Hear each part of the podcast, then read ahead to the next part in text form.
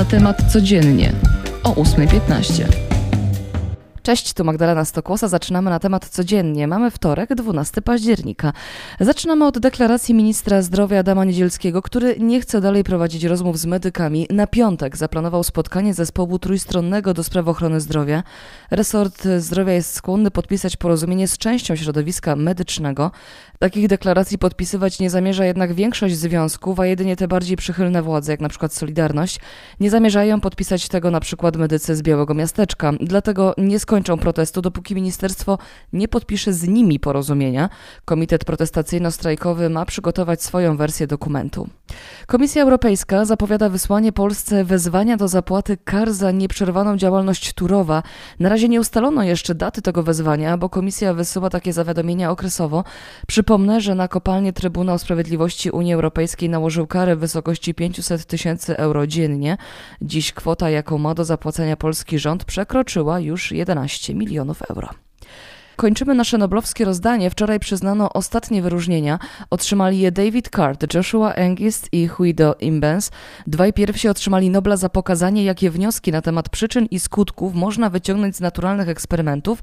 Z reguły można wyróżnić, jaki czynnik jest przyczyną, a jaki czynnik jest skutkiem działania. Jednak nie zawsze jest to takie oczywiste, jak na przykład w przypadku inflacji i płac. Jeśli rośnie inflacja, to płace muszą być wyższe, ale nie wiadomo na pewno, co jest przyczyną, a co skutkiem. Dlatego tak istotne są próby rozwiązywania przyczynowości. Z kolei Nobla z ekonometrii otrzymał David Card za eksperymenty naturalne. Analizował on sytuację na rynku pracy, które pomogły mu uchwycić związki przyczynowo-skutkowe pomiędzy poszczególnymi czynnikami, czyli na przykład eksperymentalnie uruchamiał jakąś konkretną przyczynę, a potem na podstawie badań ankietowych badał jej skutki wśród mierzonej populacji, czyli na przykład wspomnianą inflację.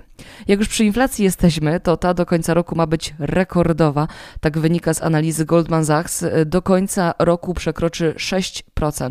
Powodem mają być utrzymujące się podwyżki cen żywności i surowców energetycznych. Ekonomiści szacują, że inflacja na tak wysokim poziomie może utrzymywać się przez wiele miesięcy.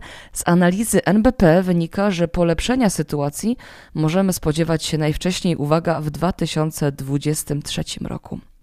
Zmieniamy temat. Papież Franciszek zapowiada największą reformę Kościoła od 60 lat. Zmiany mają rozpocząć się już teraz. Chce przede wszystkim postawić na dialog. Program Kościół Synodalny, Komunia, Uczestnictwo i Misja ma przebiegać w trzech etapach i potrwać kilka lat.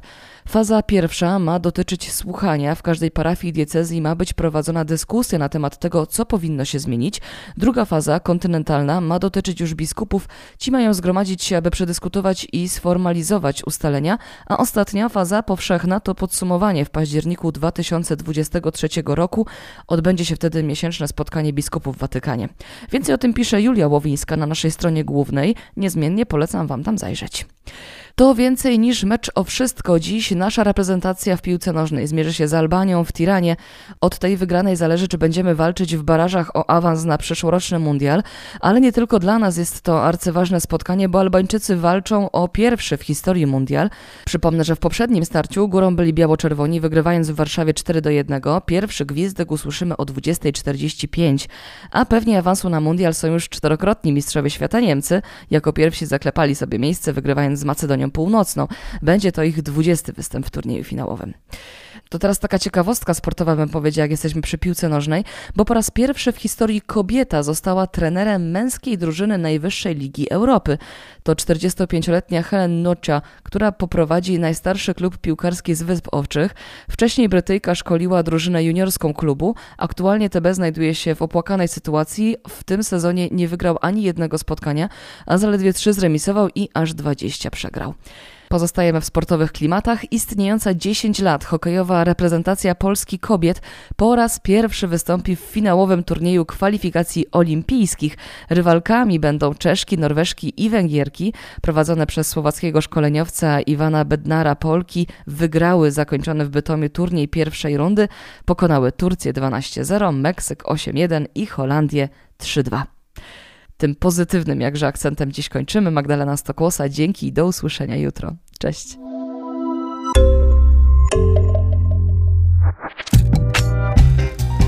Na temat codziennie o 8.15.